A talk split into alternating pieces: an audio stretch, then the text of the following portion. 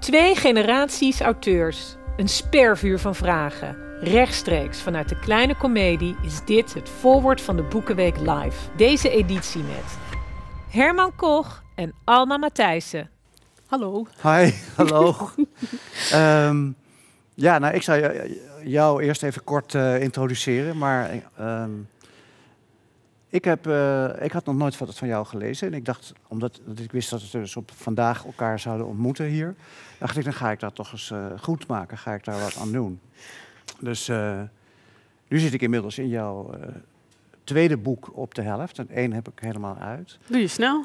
En dat, dat de la- ik dacht, ik begin gewoon met de laatste. Dat is Bewaar de Zomer. Mhm. En daar waren twee opmerkelijke dingen. Als je dan toch nu de hele tijd, als je het al hebt met waarmee kun je identificeren, is nu vaak de discussie. En kun je eh, hoe, hoe, eh, met een personage. Dit is natuurlijk een vrij autobiografisch eh, boek, zelfs helemaal. Toen las ik op een van de eerste pagina's dat jouw moeder 39 was toen ze jou kreeg. Ja, ze was zwanger 39, 40 toen ze me kreeg. Oké, Ja. nou, mijn moeder was 39 toen ze mij kreeg. Was ook haar enige kind. Volgens mij was van jouw moeder ook haar enige kind. Nou, dan zit je dus al, dan denk je al, ik, met deze, Ja. deze schrijver kan ik mee. en toen besefte ik, eh, of niet besefte ik, toen zag ik opeens verderop dat eh, het voor het grootste deel zich afspeelt in het Italiaanse dorp Fanghetto. Klopt. En bovendien dat je dus over je vader hebt en eh, die je verloren hebt toen je heel jong was. En ik was ook in het dorp van Ghetto. Echt? En ja, en ik hoorde in Van Ghetto, kreeg ik een telegram dat ik naar huis moest omdat mijn moeder op sterven lag. Dus mijn associatie met Van Ghetto is ook. Wat bizar. Ja, misschien Ja. moeten we er verder niet... te- maar dat is eh, toch... Ik ben nog- later nog een jaar geweest. Dit is 71, speelt zich. Ik was toen 17. Hm. En eh, toen moest ik opeens naar huis. eh, met het vliegtuig in Nice en van Van Ghetto. Maar die hele, als ik, jou, als ik jouw boek dus eh, lees... eh, Ja. dan, en het gaat dan over die hitte en die paadjes en dat riviertje daar beneden. Dan zie ik dus letterlijk dat Van Ghetto... Ja, nee, en natuurlijk de dood van mijn vader, die, die speelt daar natuurlijk ook een grote rol. Ja, dus in die zeker. zin, ja, nee, ik snap het. Nou, dat is de introductie. Ja. nou, dan zal ik nou, jou ook even introduceren. En het is wel grappig, omdat ik heb een, ja, eigenlijk een hele grote herinnering aan, aan een van jouw boeken dan weer. Ja. Eh, maar even voor, voor, voor, voor het grotere verhaal. Eh, volgens mij heb je twintig boeken geschreven. Ik heb even geteld. Oeh, dat, ik dacht dat het er tien waren. Maar goed, misschien heb jij een andere ja. telling aangehouden. Als je alles meerekent Oh, oké. Nee, dat zou mij- kunnen. Ja. en in 50 landen vertaald. ja, dat wel. Ook niet al die twintig boeken, hè? Een Ja. paar zijn in vijftig landen vertaald. Ja, nou, ongelooflijk wel. Ja. Eh, en het laatste boek dat uit is gekomen, Finse Dagen. Ja. En eh, jouw eerste roman, Red ons Maria Montanelli. Ja. Daar, ja, dat is toch echt wel een favoriet van mij. En vooral omdat ik het las op de... Ik was een slechte lezer op de middelbare school.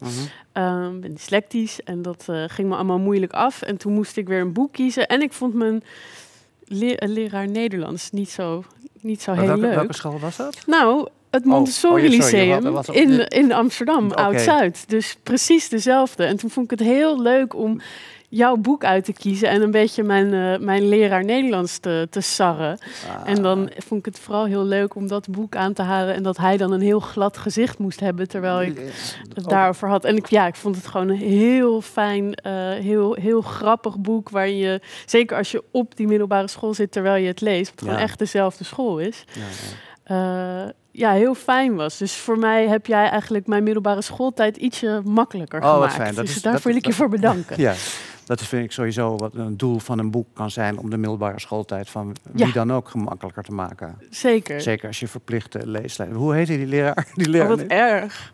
Weet je niet meer? Ja, ik weet het wel, maar Oh. dat vind ik veel te erg om te zeggen. Oh, toch oké. Ik was verder Nee, dat- wel een lieve man, anoniem. maar eh, ja, toch hij had een grote voorliefde voor dan Neschio en Moelisch. En dat waren dan boeken die mij zelf niet echt aanspraken. Nee, dus ik vond, eh, Nee. ja, ik las toen eh, dus, dus Red ons Marie Montanelli, wat ik heel leuk vond. Blauwe Maandagen, Ja, ja, toen echt zo ontdekt. En eh Kampert, dat waren toen de, Ja. de, de boeken die me echt een beetje gered hebben. Ja. Het geestige is ook wel van, als je daar toch even daar schiet me opeens te binnen dat het, het Montessori Lyceum had een hele ambivalente houding tegenover dat boek, tegen dat Red ons Maria Ja. Want het, dus er was dus één manier van, om, jaren later, om er dan eh, een beetje van af te zijn, was ja, hij beschrijft toch wel gewoon hoe het toen was, weet je wel, in de jaren zestig. Maar dat is natuurlijk helemaal niet Nee, zo. Want ik zat er in de, ja, wat is het, in de jaren 2000, begin 2000 zat, Ja, ik, ja. eh, zat ik daar. En er was nog steeds heel veel, eh, Alles wa- kl- klopte heel nog veel wel. hetzelfde met, met die tijdvakken, weet je wel, waar dan natuurlijk niemand Nee. iets deed. Ehm, dus ja, dat eh, Nee. was een redding. Op een bepaald moment was er een, eh, dan houden we erover op, over dat boek. Was er een lustrum, weet je wel, waar je dan ook niet, zo eens in de vier of vijf jaar, waar, je dan, waar ik ook niet naartoe ging. Ik ging nooit naar die dingen met oud-leerlingen. Toen hoorde ik van iemand anders, hadden ze een soort tentoonstellingsruimtetje gemaakt. Ja, Met eh, mensen die dan op een Montessori gezeten hadden. En die later iets waren geworden. Of zeg maar gewoon een beetje bekender, Ja. bekend waren geworden. Anja Meulenbelt zat daar geloof ik bij. eh, als jouw naam die nog wat, jou wat zegt. Nou, die zegt mij zeker wat. Ja. Maar ik wist niet dat zij op Montessori Ja, op ook zat. Wat grappig. Ja. En daar lag ik dus ook met dat, met dat eh, boekje. En toen stond erbij, in die vitrine, stond... Hoewel geen meesterwerk, geeft het toch een aardig beeld van de school. Ik dacht, ik, of ik nog 30 jaar later een beoordeling kreeg. Ja. Weet je wel? Weer Ja. een beoordeling Ja. van... eh, want het was ook nooit... Het was geen cijfers, hè? Het was altijd ruim voldoende of... eh, Nou ja, ik, ik vind het heel grappig dat je dit zegt, want ik ben wel een keer naar zo'n reunie gegaan. En toen kwam, kwam dus mijn Nederland... Ik vind, zou het heel erg vinden als hij kijkt, maar... eh ja, dat vond toch ook een hele lieve man. Maar in elk geval had hij een boek gelezen en toen gaf hij een, een kaartje met eigenlijk... Ja, gewoon een soort recensie. ja. Eh, waar ik oh, vrij ongemakkelijk van werd. En de eerste zin was... Ja, ik wil een gegeven paard niet in de bek kijken. Want volgens mij had ik het aan hem gegeven. En zo ging het dan verder. Ja, ja, ja. Eh, dus die was ook niet onverdeeld enthousiast. nee, nee, nee. Oh ja, nee. Nou. Ja, misschien is dat ook wel iets van de Montessori. Dat weet ik niet. Maar Nou ja, een, een beetje als je er net uit, net iets een beetje niet meedoet met ze, dat heb, zo heb ik het altijd ervaren. Ja. Dat je als je je een beetje verzet tegen wat dat systeem is, want ze vinden zichzelf de leukste school van Mm. Nederland. Als je dat niet vindt, dan krijg je het daar heel moeilijk. ja, ja. Nou ja, en ik vond sommige dingen ook wel... Want de schoolkrant, daar heb ik wel echt een soort van leren schrijven. Dat vond ik ontzettend Ja. leuk juist. Ja. Eh, maar ook daar gingen wij heel erg tegen de schoolleiding in. Weet je wel, we Ja, zijn ja. geschorst en zo. Omdat, eh, Ja, ja, ik ben ook wel vaak Ben je geschorst? geschorst en ook van school, echt van school gestuurd. Dat wil Ja. zeggen, met klem aangeraden om eraf te gaan. Want past niet in het systeem, weet En wat deed je dan? Heb ik, ik ben weggegaan. Ja, ik Ja. ben naar het Spinoza Lyceum gegaan. Ja, oh, heel goed. Ik herinner me al die namen nog wel van die Nederlandse leraren en die anderen ook. Ik heb ook in, in, in Maria Montanelli, Ja. het is toch we hebben iets te lang over Oh dit ja, boek. Maar, nou, maar toch, vertel het nog toch, even. ik heb dus alle lera leraren met hun eigen naam in dat boek gezet. Alleen de vakken verwisseld. Ah, maar iedereen ik, herkende elkaar natuurlijk. Ze wisten meteen wie het was. En ik Ja. hoorde soms ook van een Montessori-leraar die dan later zei... oh, ik ben zo blij dat ik niet in het boek sta. En reageerden, hebben ze dat dan ook wel eens aan jou laten weten, wat ze daarvan vonden? Ja, er waren wel andere... Maar volgens, mij- volgens mij hebben we het echt Ja, niet zo oké, lang over- Laten we naar deze dingen boek gaan. van lang geleden. Gaan we jij eerst? Ja, ik ga eerst. Ah, hoe begin je met het schrijven van een nieuw boek? Ehm, ja, een nieuw boek. Ja, je bent bijna klaar, toch? Ja, of je bent klaar. Ik heb een, ik heb een, een nieuw boek klaar. En, eh, eh, nee, maar hoe, even in het algemeen, hoe begin je? Ja, wat is, ja, we mo- moeten allebei die vraag wel beantwoorden. Hè? Ja, vind ik ook. Eh, poeh, bij mij, ja. Het is toch elke keer ook weer anders. Eh, maar bij mij is het wel Hm. iets dat ik op zoek ga eh, naar iets waarvan ik zeker weet: oké, dit gaat me wel twee, hopelijk drie jaar lang eh, interesseren. Dat is een beetje de. nou ja, de- dat is een, heel, al hele goeie. Ja. ja, Ja. dat ik me wel. Ja, maar het is bij mij wel vaak heel vaag. Ik ben niet die schrijver die van tevoren alles helemaal uitdenkt en een plan maakt. En Nee, soms. Nee? Nee, helemaal niet. Oh, grappig. Dat Ja. zou ik wel denken. Ja, nee, ik heb ook dat ik denk. eh, wat jij eerst zegt, ben ik ook, heb ik ook precies hetzelfde. Ik denk, het moet me een paar jaar bezig kunnen Mhm. houden. Minimaal een jaar, maar liefst nog wat langer. Ja. Ja, want je moet ook die interviews daarna doen. Meestal ben ik dan al helemaal een soort van klaar ermee. Ja, maar- ik ben sowieso wel, wel klaar met een boek als het, als het af is. Dat ik denk, oh, Ja. daar moet ik het ook nog over gaan hebben nu. Ja, dat is, is het ergste Ja, eigenlijk. ik vind, ik vind het heel leuk hoor. Gewoon dat mensen zeggen, ik heb het gelezen en ik vond het zus of zo, of ik vond dat goed Ja. of dat slecht, of weet ik, het maakt me niet zo uit. Slecht vind ik vervelend om te horen. Ja, als, maar, maar wie, is, Ja. ja. wie is... Ja, je bedoelt ook met kritiek of zo? Of ja, echte gewoon goed. kritiek, Dat wil, vind ik leuk om te horen. Ja, ja, de rest ja. hoef ik niet te horen. Nee. Eh, maar dat terzijde. Maar ja, met beginnen. Ik, ik ben nu wel heel erg aan het beginnen met een boek. Of dat, ik denk dat ik ongeveer een half jaar gedacht heb. Mhm. En dan nu eh, drie maanden aan het schrijven of zo. Ja? En dat is dan heel erg, ja, toch voor mij echt in het rond te schrijven. Dus gewoon, ik heb dan een personage en dan begin ik gewoon te denken, oké, hoe eet hij zijn ontbijt? En dan ga ik Ja. die scène gewoon maar schrijven. Ja. En die gaat, komt waarschijnlijk nooit in het boek. Eh, maar dat gaat dan wel langzaam van, oh ja, oké, en zo loopt hij. En zo doet hij tegen zijn vrienden. Ja, en dan zijn er op een gegeven moment, heb ik dan zo, ja, een stuk of eh, zes scènes of zoiets. Mhm. En dan ga ik denken, oh ja, maar, maar hoe zit het plot nou? En wat wil ik nou eigenlijk vertellen? En zo Ja, maar dan kom je ook steeds- vaak... Heb je dat dan ook niet? Dat je daar pas achter komt als je een aantal van die scènes geschreven hebt? Ja, Dat je totaal. dan pas denkt van... Een beetje begint te vermoeden waar het boek misschien over Ja. gaat. Ja, maar ik vind dat wel nog steeds heel eng. Dat ik nu Ja. ook denk van, "Oh, ja, maar, maar waarom eigenlijk? En je bent zo in het, Ja, ja. in het luchtledige aan het werk. Ja. Dus, maar hoe, weet, hoe weet jij dan op welk punt van, oké, nu, nu heb ik het. Nu kan ik door. Nu weet ik dat het goed gaat komen. Eh, nou, ik probeer wel. Ik, ik begin chronologisch. Ik, dat, ik hoop altijd dat de eerste zin de eerste zin zal blijven. Hm. En dat gaat dan bij mij voornamelijk over dat, het, dat, het, dat ik de toon. Het zijn bijna op een paar uitzonderingen na zijn het eh, eerste persoon boeken, ik eh, boeken. En ehm, waarom eigenlijk? ja, ik vind dat lekker. Het, ik heb het idee, ik voel me daarin thuis. Het wordt een soort. Ik benader die boeken als een monoloog. Hm. Dus ik heb het idee dat ik, als ik iemand kan horen praten, dat ik denk, dan heb ik voor 80% het boek al. Ja, Als ik de juiste, juiste toon heb gevonden. ja, Dus van het nieuwe boek is de eerste zin bijvoorbeeld: Hier ben ik, hier lig ik, hier ga ik voorlopig niet meer weg. En dan denk ik, ja, dat is, dat is toch. En die blijkt dan op een bank te liggen. Oh ja, ja, ik denk gelijk aan een, aan een graf. Nou, dan, grauw- nee, nee, nee. Zo- Zulke macabere boeken zou ik ook weer niet zo gauw schrijven. Nee, Aan een dit is, graf. ja, sorry, Ja, dat dit is ook. ook mijn hoofd. Ja, hier, die ga ik voorlopig niet meer weg. Ja, dat klopt. Nee. Maar dat vind ik juist heel leuk. Dat, Ja. dat je het ook op twee manieren eigenlijk eh, kan lezen. Ja, ja. Maar goed, je weet al na eh, drie, de, de vierde zin weet je al dat hij nog niet in een graf ligt. Dat hij niet in een graf ligt. Ja. Maar goed. Maar dan De- toch nog heel veel terugkomt, omdat ik dan zelf nu op dat punt zit. En dan hoop ik dat ik van jou eh, eh, misschien daar toch een tip uit krijg. Ja, van oh ja. hoe je dan weet eh, waar je, wanneer het goed gaat. Wanneer je vertrouwen krijgt. Van oké, zo. Mm, ja, dat zit inderdaad in het. Ik heb ook wel dat ik altijd wel te veel eh, eh, schrijf. Hm. En daar ook, daar, dat ik denk, daar moet je ook niet bang voor zijn. Dus om, Ja, om bijvoorbeeld werk wat meerdere dagen heeft geduurd, waarvan je later inderdaad alleen maar kan zeggen, maar dat- volgens mij zei je dat ook al net een beetje, dat het misschien helemaal niet in het boek komt. ja, Maar wat je wel he- heeft geholpen om de juiste toon of het ritme van de zinnen te vinden, of om de, de, degene die vertelt beter te leren kennen, Ja. als het tenminste ik-vorm is. Als het hij of zij is, dat is net iets anders, maar Mhm. toch ook wel belangrijk. ja. En bewaar je dat dan, de dingen die je weggooit? Eh, ja, ik ben niet zo dat ik meteen alles ga, ga schrappen. Ik laat wel veel staan. En dan denk ik, dat kan later wel, eh, kan later wel weg. Ja. Ik heb ook een, ik heb een hele goede eh, eh, redacteur. En die heeft dan ook, eh, zoals alle redacteuren, de neiging om er behoorlijk veel uit te laten. Mhm. En eh, nu de laatste tijd laat ik er alles er maar in staan. En denk dan, zij haalt het er toch Ja, ja, wel, ja, ja, ja, wel ja. uit. Een soort, nee, dat is misschien een beetje flauw. Maar het is, inderdaad, het is moeilijk om inderdaad te zeggen, wat is nou een tip?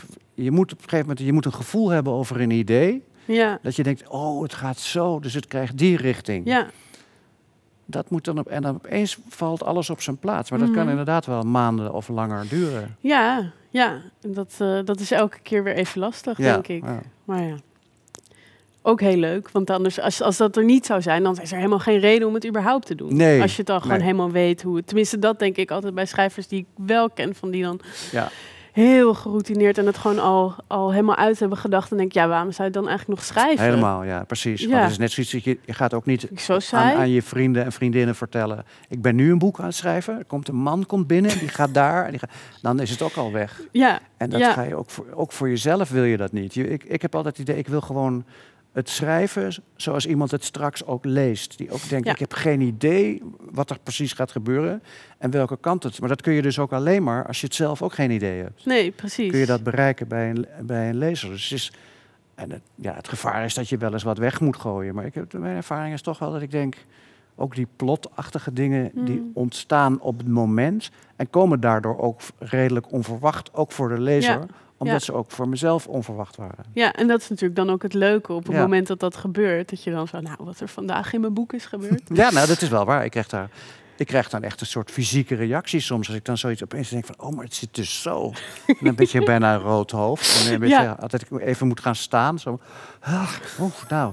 Maar dan is, op zo'n moment is het mijn dag wel helemaal goed. ja, Dan hoef ik precies. helemaal niet eh, op te gaan hoeveel woorden ik heb geschreven. Nee. Maar puur denk ik, heb nou toch een vondst. Die zat, wist ik helemaal niet dat die in dat verhaal zat. Ja, nee, dat is heel gek. Ik heb ook één keer dat ik erachter kwam toen ik, ik was al aan het slapen en ik werd midden in de wacht- nacht wakker. En toen realiseerde ik me eens dat een van mijn personages dood moest. Ja, Dat dat niet anders kon. Ik moest heel erg huilen, omdat ik het zo, zo Ja. zielig vond. Van, oh, maar ik vind het zo erg voor haar en ik wil, wil dat helemaal niet, maar het, het kan niet anders. het moet. Ja. Ja, en dat was, was dan tegelijkertijd verdrietig, maar tegelijkertijd ook van, oh ja, nu weet ik hoe het zit. En Ja, dan is het zo overduidelijk. Dat, eh, Mhm. ja. Ik heb ook wel eens gehad, maar dat komt gewoon, dat komt ook met leeftijd, dat je dingen niet meer zo goed onthoudt. Wat Mhm. ook bepaalde voordelen heeft. Want ik heb heel vaak dat ik s- ochtends, als ik terugkijk wat ik heb gelezen, heb gelezen wat ik vorige dag heb geschreven, dat ik echt denk, verdomd ja, dat heb ik gisteren gedaan. dat ik het niet meer precies wist. Maar het komt ook voor dat iemand tegen mij zegt, en dan is het nog in manuscript, ja. Zeg, ja, je staat daar met die, met die en die vrouw, de moeder van die en die, sta je in de tuin te praten. Tenminste, dat personage. ja. Maar op pagina 30 is ze wel dood hoor. Oh jee. En dat is me ook wel overkomen. En dan kun je dat gelukkig nog herstellen. Ja, en komt het dan ook wel eens voor dat er dingen zijn die je hebt geschreven, weet ik veel, 30 jaar terug en dan, of 20 jaar terug, Ja. eh, eh, misschien ga ik iets te ver terug in de tijd, eh, die je al, al gebruikt hebt? Of, ja, of dat, ja, absoluut. Soms letterlijk bijna. Dat is ook, ook wel... Maar goed, dat, daar zijn wel vaak anderen zijn daar dan beter in om dat nog dan eruit te halen. Ik zeg, volgens mij heb je dit al eens eerder gedaan. Maar het komt bij mij ook voor dat ik een hele alinea op pagina 180 schrijf... en dan later erachter komt dat die ook op pagina 10 stond. Dezelfde, hè? Ja, nou ja, daar zijn goed, dat, gelukkig dat krijg jij nog allemaal. Ja, dat ga ik nog meemaken. Ja. Ik weet dat eh, Norman Mailer zei, die zei een keer in zo'n boek dat helemaal ging over de art of fiction. En die zei dat hij dat een groot voordeel vond, dat toen hij eenmaal 80 was, dat hij geen idee meer had wat hij de vorige dag had geschreven. Maar echt helemaal niet meer. Waardoor hij het dus al meteen las alsof iemand anders het had geschreven. Ah, zo. Maar dan zou je ook elke dag gewoon hetzelfde stuk kunnen schrijven. Ja, dat is waar. Nee, maar dan moet je het wel een flink stuk overlezen om te, om te... Je leest het dan over en denkt, verdomd, dat is eigenlijk best goed. Ja, Of het is best slecht. Dat Ja. kan, komt natuurlijk ook vaak voor. Maar Ja. je gaat er niet piekerend mee naar bed, zeg maar. nee, precies. Ik probeer het ook altijd... Heb jij dat ook? Dat je het wel van je af probeert te zetten? Ja, ja, zeker. Maar dat, soms lukt het me gewoon niet. En dan weet ik ook wel dat het goed gaat met het boek. Als het niet meer, eh, niet meer lukt om er, om, om er van af te zitten. Dus nu, nu zit ik er gewoon zelf nog niet echt in. En dan, Nee, dan... dat is vervelend eh, eigenlijk. En dan dus, zodra ik echt verder ben, dan, dan vind ik het ook wel moeilijker om het eh, van me af te zetten. En- Ja, dan gaat het, blijft het een beetje doorgaan. Dat kun je Ja. ook niet echt tegenhouden. Nee, Ik neem ook altijd voor om dan, om dan na een bepaald moment, één uur 's middags of zoiets, daarna niks meer te doen. Hè, en denken van proberen te vergeten. ja. En dan zit ik opeens, eh, zit ik of lig ik half op de bank. En dan heb ik net een eh, borreltje ingeschonken of een biertje open gedaan. En dan denk ik, en dan langzamerhand begint dat gevoel dus. En dan denk ik, toch even kijken. ja? Of, het, of het wat was, weet je wel? En, is het dan wat? Eh, Nee, soms niet, maar het is, je, je kijkt toch even met een andere blik. Mhm. En je kan toch iets meer. ik heb ook wel eens dat je, dat je een boek leest waarbij je een glaasje drinkt. En dan Ja, lees je dat toch ook anders. En Ja. eh, zo moet je je eigen boek ook... eh, Nou ja, ernaar kijken alsof je inderdaad zelf de, de, de vreemde bent, dat is heel goed. Maar Ja. ik doe meestal, eigenlijk doe ik meestal gewoon zodra ik een eerste versie heb of een tweede versie, dat Mhm. ik dan gewoon hem toch probeer, als het, als het kan, om het een maand minimaal te laten ja, liggen. dat is al heel goed. En dan, en dan opnieuw lezen. ja, En, sowieso eh, minimaal een maand. Ik doe, ja. ik, hou- doe dat ook. Ik hou me voor zes weken. Maar dat heb ik ook. Ik heb ooit zo'n boek gelezen, wie je dat kent, On Writing van Stephen King. Nee, ik weet dat het bestaat, maar ja, ik, ik, heb ben het helemaal niet zo'n eh, Stephen King fan als van de schrijver. Maar hij wel van jou. Wat? Oh ja, dat, Ja, ja, laten we dat nou maar even laten rusten. Ja, dat heeft hij wel. Dat staat in een tweet, ja. Ja. een tweet, ja, nou je het zegt. Maar goed, daarom breng ik hem nu niet ter sprake. Maar ik, ik, een van de leukste boeken over het vak is van Stephen King. Terwijl Ja. hij het zelf ook niet allemaal toepast. En die zei zes weken laten liggen. Zes weken, ja. En dat is het gewoon. Dat heb ik gewoon op een bepaald moment overgenomen. Ja. 20 jaar geleden of 15 jaar geleden om te denken. Zes weken. En het is waar. Dan ben je het Mhm. echt helemaal vergeten. Ja, of nog beter, echt een jaar of zo. Dan weet je het Dat kan ook. echt Ja, niet meer. Maar dan moet je, dan, die luxe moet je dan wel. Je wil op een gegeven moment ook wel van een boek af, toch? de- totaal. Het af, Ja. af hebben en ook denken. Ik wil er even niks meer mee te maken Nee, dat heb, dat heb ik altijd eigenlijk. Dan, eh, en, dan, dan, en dan gewoon weer door. Ja, het Ja, klinkt dan ja. heel eigenlijk een beetje zielig voor het boek. Maar ja, het is ja, wel maar het is wel waar. Je wil gewoon door. Ja, En vaak als een boek uitkomt, ben je soms alweer met iets anders begonnen. Ja. Dat hoop ik meestal wel. Ja, ik ook. Want het is altijd vaak beter of het is prettiger. Mhm. Ik heb nu net een, dus een boek uitgesteld. Hè, vanwege Ja. de, de, het nieuwe boek zou in mei uitkomen. Maar dat komt nu in september. Dus ja, als ik- straks komen in september die vragen van die interviews van die journalisten en zo. En, ja, dan En denk ik, waar hebben ze het over? Weet Ja. je? Ik ben al lang met iets anders bezig. Ja, maar waar, en je hebt het uitgesteld echt vanwege de, de pandemie. Ja, omdat ik de, dat, kijk, toen het een paar maanden geleden zeiden wij allemaal nog tegen elkaar, nou in mei zullen de boekwinkels toch wel open zijn en de terrassen. Hm. Ja, En, en alles zal wel iets versoepeld zijn, maar het ziet er nu alleen maar naar uit dat het nog minder wordt. ja. En ik vind dat gewoon zonde. Vind Dat ik een is het beetje, ook. Een beetje jammer, want ik, ik ben laatst ook bij een boekwinkel geweest op afspraak. Omdat ik toch dacht, Maar voel je je dan niet heel chic? Ik, ik heb ook nu gewinkeld op afspraak en ik voelde me echt een soort superster. oh, als je in zo'n winkel mag... eh, Ja. Ja, een boekwinkel of een andere nou, winkel? het was geen kledingwinkel. Een kledingwinkel. Nee, maar dat is prima. Dat lijkt me ook een heel Nee, ik goed kreeg idee. witte wijn en zo. Het was ineens een soort Ja, van, ik ja, me heel erg En je bent dan een ongeveer enige klant in die winkel. Ja. Ja, dat was ik ook in de boekwinkel. Nog één andere. Misschien moeten ze daar nu ook gewoon wijn gaan, gaan schenken. Maar ja, het helpt natuurlijk niet voor een boek uitbrengen. Dat, eh, Nee, ik bedoel, dus ik heb toch... het zelf in november gedaan en dat, dat ja. Oh, dat het bewaarde zomer is van eh ja, november. dus, Ja, en toen waren de ja. boekwinkels wel nog open, maar die gingen volgens mij heel snel. Heel snel al dicht. Twee weken Ergens of zoiets half- later. half oktober, november, ik weet niet meer, maar het ging heel snel. Ja, Dat ze echt dicht waren ook, hè? ja dat precies. je niet eens kon bestellen. Ja. En dan ben je dus afhankelijk van eh, online en digitaal. Ja. En dat is toch nog steeds een niet zo grote groep. Moeten we nog kaartjes doen? We zijn het helemaal aan het vergeten. Ik weet niet of dat. Ik denk, zou dat fluitje al komen? Niet dat ik, ik vind het heel leuk hoor. We kunnen heel lang doorkletsen. Zal ik er eentje Ja, doen? doe. Voel je je een charmeur? Nou, dat is, dat is wel een vraag. Dan denk ik, ja, oké. Nou, jij mag eerst. voel ik me een charmeur? Nou, ja, even een hele gekke vraag. Eh, in, in welk opzicht? Wanneer? Je, nu niet? Nou, misschien, misschien als je. Misschien wordt er een beetje bedoeld, dat zou ik kunnen denken. Dat je als je schrijver bent, toch ook altijd een beetje een charmeur bent, omdat je die lezer moet charmeren. Of dat je ook in publiekelijk ja, charmant moet zijn. ik ben er in elk geval tijdens het schrijven helemaal niet mee bezig. Misschien als ik, als ik op een podium zit of zo, dat ik Mhm. dan wel begrijp van... oké, ja, je wil wel een beetje dat Ja, de mensen het leuk suf daar hebben. zitten. Ja, Nee. Ehm, maar nee, ik zou het ook heel... Om dat echt expres voor, voor te gaan doen of zoiets. Dat- nee, ik denk dat als tijdens het schrijven je, je daarover na gaat denken... dan wordt het een heel gek, eh, gek boek. Toch? Nee, je bent inderdaad niet. eh, Tijdens het schrijven ben je geen charmeur volgens mij. Nee. Het is een beetje. En bovendien kun je dat ook helemaal niet zijn als je dat niet bent. Ik bedoel, je kan het niet gaan spelen, want dan val je onmiddellijk door de mand, volgens mij. Als Ja. charmeur. Ja, dat denk ik ook. Dat is ook niet goed. Maar misschien het. i- Ja, goed. De volgende. Eh, van wie hoop je dat hij of zij nog eens een boek van je leest? Van wie? Deze vraag heb ik al een keer voorbij zien komen in de andere filmpjes. Ja? Ja, en toen eh, struikelde zij over nog eens. Oh, Maar ja, nu herhaal ik precies wat daar is gebeurd. ja. ehm, ja, vertel maar. Ehm, ja, nee, ik, eh, niet om het te dramatisch te maken, maar ik zou het leuk hebben gevonden als mijn ouders mijn boeken hadden kunnen lezen. Ja. Dat is nooit gebeurd. Ja. Dus dat is, een- dat is een beetje zo'n gevoel van spijt. Dat ik denk, als er ergens toch zoiets eh, bestaat, Ja. dat ze dan die... eh En waar denken, zou daar loopt dan... die kleine charmeur. Heeft hij toch maar, heeft hij toch maar twintig boeken geschreven? Ja, en Ja. wat, wat, wat zou je dan hopen dat ze, Nou ja, ik hoop wel. Dat, ik bedoel, ik heb ook over mijn ouders wel in boeken soms ook wel harde noten gekraakt, zeg maar. Maar ik denk aan de andere kant, als ze zoals ze, zoals ze zijn, denk ik, nou, dat zouden ze wel door de vingers zien. Ja, En denken van, het is ook wel rechtvaardig of zo. ja.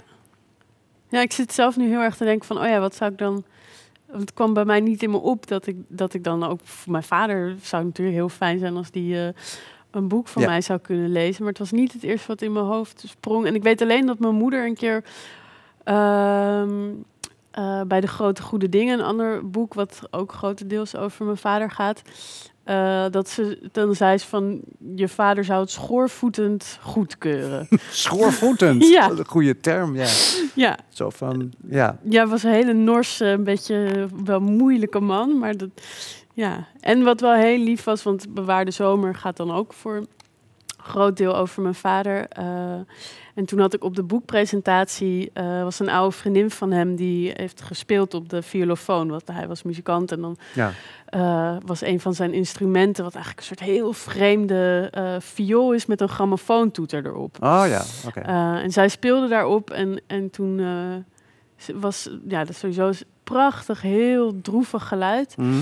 En toen stopte ze en toen zei ze ineens van, ja, oh, maar jouw vader zou zo trots op jou zijn. Ah, En dat is dan, ja, Ja, dat kan je eigenlijk niet, dat is toch wat je wil horen. ja, echt Hoe- waar. Ja. Hoe clichématig en, en, en, en bijna groots of zoiets. ja, dat is wel goed. Dat is echt de, de essentie volgens mij. Maar je wil ook Ja. dat je ouders trots op je zijn, ook als ze nog leven. Ja. Dat is toch eigenlijk waar je, waar je het allemaal voor doet misschien wel. Dat je Ja. toch denkt, die ouders moeten toch zeggen... nou, ik ben nu, eh, ik ben nu echt eh, trots op je, Alma. Ja, precies. Ja. ja. nou ja, en dan om dat zo van die vrienden te horen, eh, dat is echt. Ja, ik, weet, ik hoop dat zij dan ook snappen hoe, hoe belangrijk dat Ja. eigenlijk is. Dat je dat. Ja. Maar toch, dat is dan... Het fluitje al, hè? Ja, dat was hem. Dan komt zo de conducteur. We hebben geen kaartjes. Oh nee, ik heb totaal geen jij niet. kaartje. Ik Ik, zit eerste klas.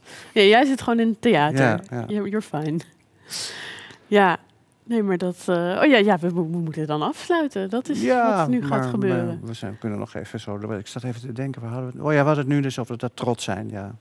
Want ik voor, bij andere mensen heb ik dat gevoel helemaal niet. Vooral niet als ze... Dat, je, dat die trots op je zouden moeten zijn. Want Nee. wie, dat is dat, ook, dat was eigenlijk de vraag van wie dan? Ja, Ik zou niet iemand anders kunnen bedenken. Ik zou ook niet zeggen... Ik zou graag willen dat Barack Obama mijn boeken zou lezen. dat vind ik zo'n rare soort hoogdravende... Rare onzin of zo. Ja, ook omdat ik er überhaupt gewoon nooit zo goed mee. Ik weet überhaupt gewoon niet wat ik, hoe ik moet reageren als mensen zeggen: Ja, ik vind je boek heel goed. Of ik vind je. Ja, dan denk ik: Ja, oké. Ja, dat Eh, is het dan ook wel, toch? Ja.